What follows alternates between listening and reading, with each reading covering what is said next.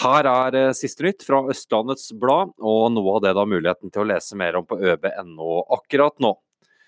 Vi starter med at Rundt klokken ni mandag morgen meldte Øst politidistrikt om at en fotgjenger var påkjørt i sentrumsveien i Ski. Det viste seg å være en 16 år gammel gutt. Han ble sendt til Ahus med lettere skader, for å bli undersøkt for eventuelle hodeskader. Det skal ikke være mistanke om promillekjøring der. Tyver eh, tok med seg to datamaskiner og kontanter fra butikken P Blomster i gågata i Ski i eh, løpet av natta. Innehaveren sier at han er oppgitt etter hendelsen.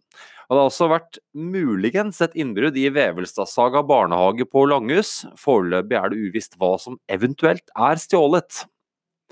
Massepunkteringer på E6 koster Statens vegvesen titalls av tusen kroner.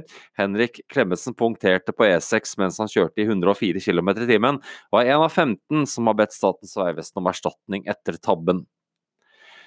Eieren av nummer fire, restauranten i Ski, vil gjerne ha en konkurrent som nærmeste nabo for å få restaurantgate i Ski sentrum. Han mener at det er viktig at folk har et godt tilbud og får lyst til å gå ut i sentrum.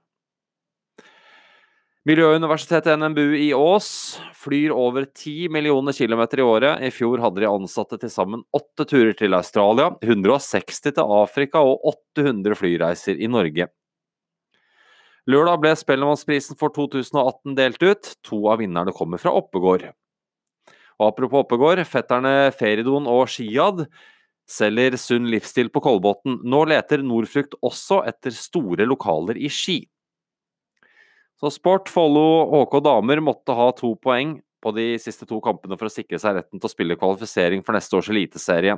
Den antatt eh, vanskeligste kampen av de to var søndagens bortekamp mot Fjellhammer, og damene hadde all grunn til å juble. Alt om matchen på øb.no.